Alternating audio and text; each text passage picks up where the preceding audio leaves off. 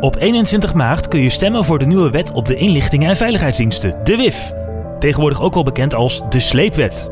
Deze wet gaat over wat de Nederlandse veiligheidsdiensten, de AIVD en de MIVD mogen doen.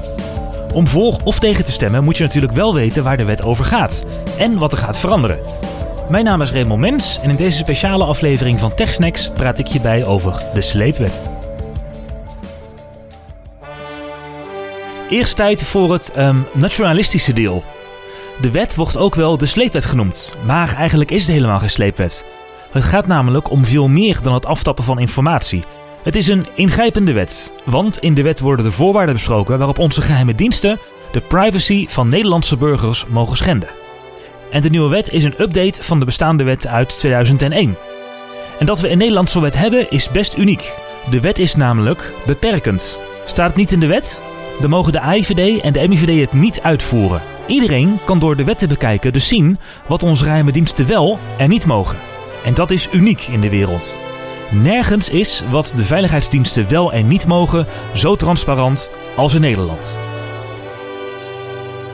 Oké, tot zover ons nationalistische deel. De vlaggen mogen weer naar binnen. Het is tijd voor de vier belangrijkste veranderingen in de nieuwe sleepwet. De eerste verandering is hacken. Want hoewel de wet in de volksmond de sleepwet wordt genoemd, is een belangrijk nieuw deel gericht op hacken. De AIVD en MIVD mogen sinds 2000 al gericht hacken. En dat is handig voor informatie die je niet met een tap boven water kunt halen. Dan moet je denken aan bijvoorbeeld e-mails die al verstuurd zijn of WhatsApp-berichten. En momenteel mogen onze veiligheidsdiensten alleen gericht hacken. Dat wil zeggen dat alleen bij een verdachte zelf ingebroken mag worden.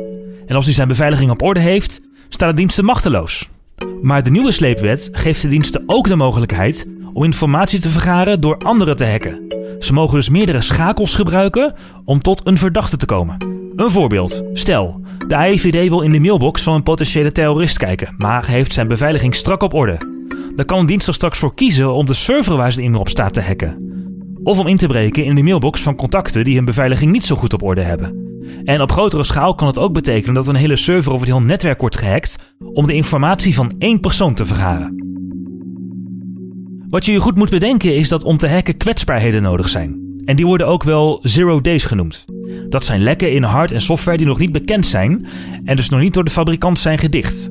En die hebben de diensten nodig om binnen te komen in apparatuur. Maar die lekken zijn zeldzaam en duur. De FBI betaalde ooit meer dan een miljoen dollar voor een iPhone-lek. En de vraag is of het Nederlandse diensten er goed aan doen om dit soort lekken te gaan hamsteren. Met het risico dat software langer kwetsbaar is voor iedereen. Is het misschien niet beter om de fabrikant te waarschuwen? Eén ding is zeker: hacken klinkt eng, maar het is wel gericht. Het inzetten van die hackbevoegdheden heeft ook een aantal voorwaarden. Want voordat de dienst een bevoegdheid zoals hacken in mag zetten, moet deze aan een aantal voorwaarden voldoen. Hij moet proportioneel zijn, noodzakelijk voor het uitvoeren van de taak, en voldoen aan het subsidiariteitsbeginsel. Dat laatste wil zeggen dat het niet gebruikt mag worden als informatie ook op een andere wijze, die wel legaal is, verkregen kan worden. Een hele e-mailserver hacken gaat bijvoorbeeld ver als je ook in iemands mailbox kan door zijn smartphone te onderscheppen. Een andere grote verandering is de inzet van een sleepnet, oftewel kabelinterceptie. Het ongericht tappen van internetkabels. En hier dankt de sleepwet ook zijn naam aan. Momenteel mogen de inlichtingendiensten al wel tappen, maar alleen als ze een verdachte in het vizier hebben. In de nieuwe sleepwet mag ongericht getapt worden. Een tap kan dus preventief en breed worden ingezet. En helaas wordt dit vaak verkeerd uitgelegd in de media en is het beeld ontstaan dat een sleepnet over een hele wijk gespannen kan worden. Maar zo werkt het internet niet. Op het internet zoeken pakketjes via verschillende routes en providers hun eigen weg. En ze zijn dus niet op wijkniveau te scheiden. Een tap zal dus eerder worden gezet op een groot internetknooppunt in het land, zoals de Amsterdam Internet Exchange. Daar staat de apparatuur van providers aan elkaar gekoppeld.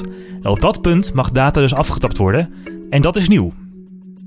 En omdat alle data op een glasvezelkabel afgetapt mag worden, wordt ook de communicatie van onschuldige burgers getapt. Die data kan dus opgevangen worden. Maar dat wil niet zeggen dat de diensten er ook echt in gaan kijken. En dat mag ook helemaal niet, want er moet altijd een zogenaamde zoekvraag geformuleerd worden. En die zoekvraag moet ook weer voldoen aan die drie voorwaarden die ik eerder noemde, namelijk proportioneel zijn, noodzakelijk en voldoen aan het subsidiariteitsbeginsel. Een voorbeeld. Stel dat er een terroristencel in Irak actief is en de diensten willen weten of er ook gecommuniceerd wordt met Nederland. Op dat moment wordt eerst gekeken hoe alle internetkabels precies van Nederland naar Irak lopen. Nou, de data komt ongetwijfeld op een internetknooppunt in Amsterdam binnen. En de diensten kunnen dan kiezen om de juiste kabel te pakken en een grof filter toe te passen. En er wordt dan alleen gekeken van verkeer van en naar Irak. En verkeer van bijvoorbeeld YouTube, Spotify en Netflix wordt gefilterd. Want de diensten zitten niet te wachten op een hooiberg aan data. Ze zijn vaak alleen geïnteresseerd in e-mailverkeer, of telegramberichten, of VoIP, of WhatsApp. En daar zorgt dat grove filter voor. Na dat grove filter wordt de metadata van al die gegevens bekeken en wordt er op hotspots ingezoomd. Stel dat er 10 mensen zijn die opvallend vaak met Irak chatten via Telegram, dan mag er naar het opnieuw vragen van toestemming ook naar de inhoud van berichten gekeken worden.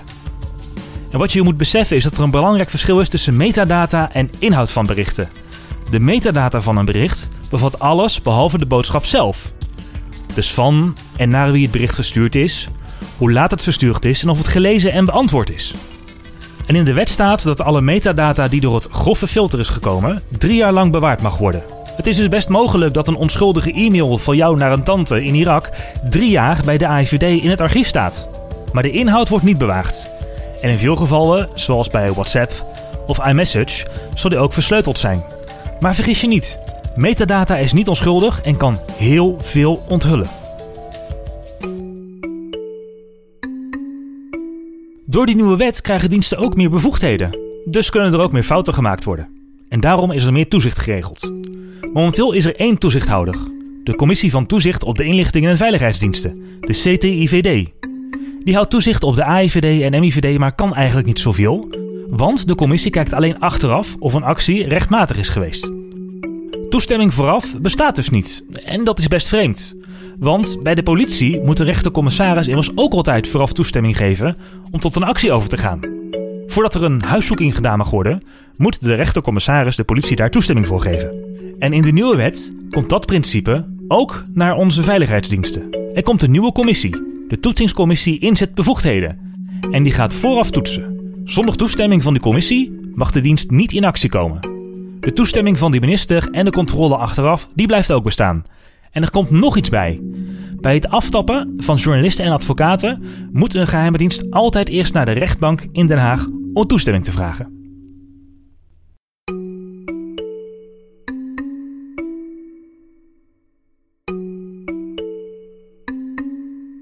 Een laatste grote verandering in de wet is het uitwisselen van data met het buitenland. De veiligheidsdiensten opereren momenteel autonoom. En dat wil zeggen dat de sancties tegen Rusland de samenwerking tussen de Nederlandse en Russische diensten niet belemmeren. In de huidige wet is er geen controle op de uitwisseling van informatie met het buitenland. En de beslissing om informatie te delen is geheel aan de inlichtingendiensten zelf. In de nieuwe wet wordt de samenwerking met het buitenland strenger getoetst aan een aantal factoren. En die factoren zijn onder andere de mate van democratische inbedding, de omgang met mensenrechten en het niveau van gegevensbescherming. Dat wil zeggen of je kunt garanderen dat de data die naar het buitenland gaat niet gebruikt wordt voor andere doelen dan een onderzoek. Turkije zou onder deze voorwaarden bijvoorbeeld geen bulkdata van Nederland mogen ontvangen. Bunlar bu kadar ürkek, bu kadar korkak. Bunlar nazi kalıntısı. Bunlar faşist. Bunu böyle biliniz. Onder de nieuwe wet gaan de AIVD en de MIVD per land kijken of er een samenwerking in zit. Dat doen ze samen met de minister van Binnenlandse Zaken. Maar de toetsingscommissie komt er niet aan te pas.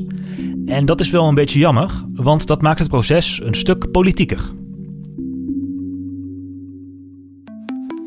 De grote vraag is: moet je op 21 maart nou voor of tegen stemmen? En daarvoor moet je jezelf een aantal vragen stellen. Zijn de nieuwe bevoegdheden misschien te ingrijpend? Of zijn er voldoende waarborgen? Wij geven geen stemadvies, maar je hebt nu genoeg informatie om zelf een goede mening te vormen.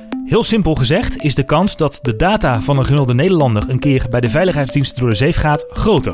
Maar er staat tegenover dat de voorwaarden waarop dat mag strenger worden en het toezicht wordt verscherpt.